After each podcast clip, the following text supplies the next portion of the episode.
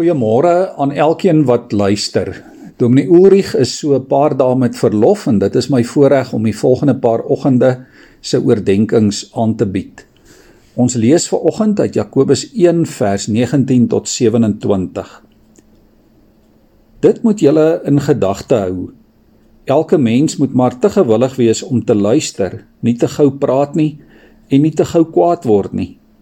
'n Mens wat kwaad word, doen nie wat voor God reg is nie. Daarom moet julle alle sedelike vuilheid en ongeregtigheid opruim wat so welig tuur en ootmoedig die woord aanneem wat God in julle geplant het want die woord kan julle red. Julle moet doen wat die woord sê en dit nie net aanhoor nie anders bedrieg julle julleself.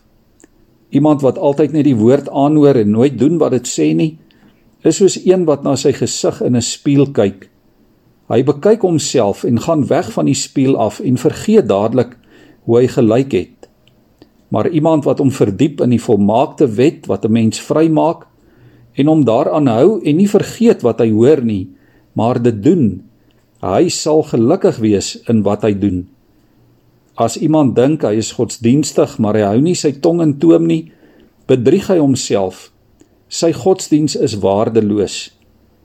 Egte en suiwer godsdiens voor God die Vader is om weeskinders en weduwees in hulle moeilike omstandighede by te staan en om jou skoon te hou van die besmetting van die wêreld.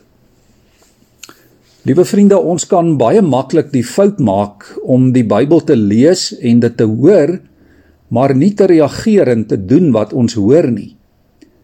Jakobus skryf hier aan gelowiges wat hierdie fout gemaak het en wat jy en ek vandag ook baie maklik maak.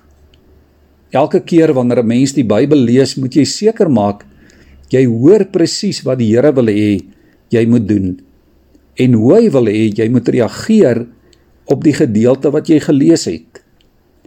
Wat is die opdrag wat die Here wil hê jy aangehoorsaam moet wees? Hierdie gedeelte uit Jakobus sê baie duidelik daar is 'n hele paar opdragte wat die Here van ons verwag om uit te voer.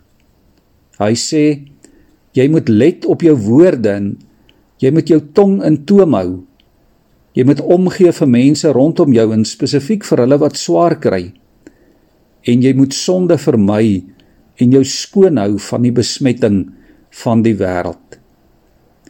Eintlik is dit 'n baie opwindende gedagte as ons daaraan dink dat die Here dit vandag van ons verwag om mooi te dink voor ons praat om 'n wag voor ons mond te sit om woorde van wysheid en seën uit te spreek eerder as kwetsende en veroordelende woorde.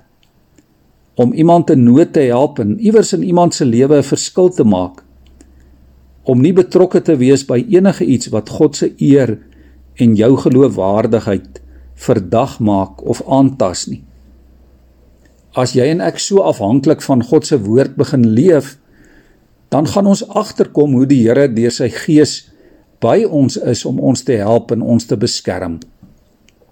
Al wat die Here van ons vra, is getrouheid en gehoorsaamheid. En dit het 'n effek op ons totale geloofslewe. Dit leer ons ook om meer te bid Ja, gebed en die woord van God gaan hand aan hand.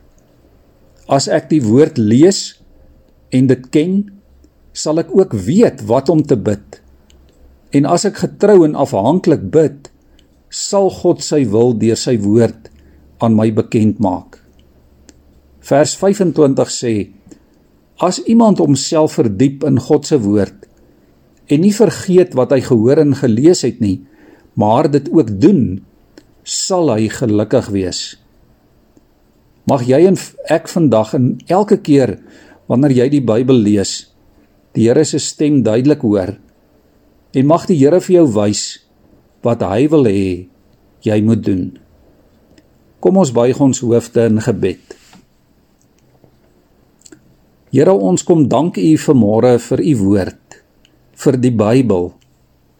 Dankie Here vir die voorreg dat ons dit vrylik mag lees en mag hoor in ons eie taal.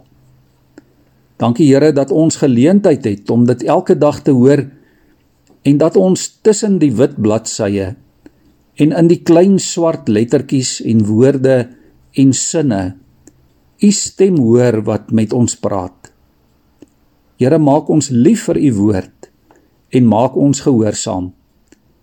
Laat ons eie woorde en dade vandag bewyse daarvan wees dat u woord binne in ons lewe. Amen.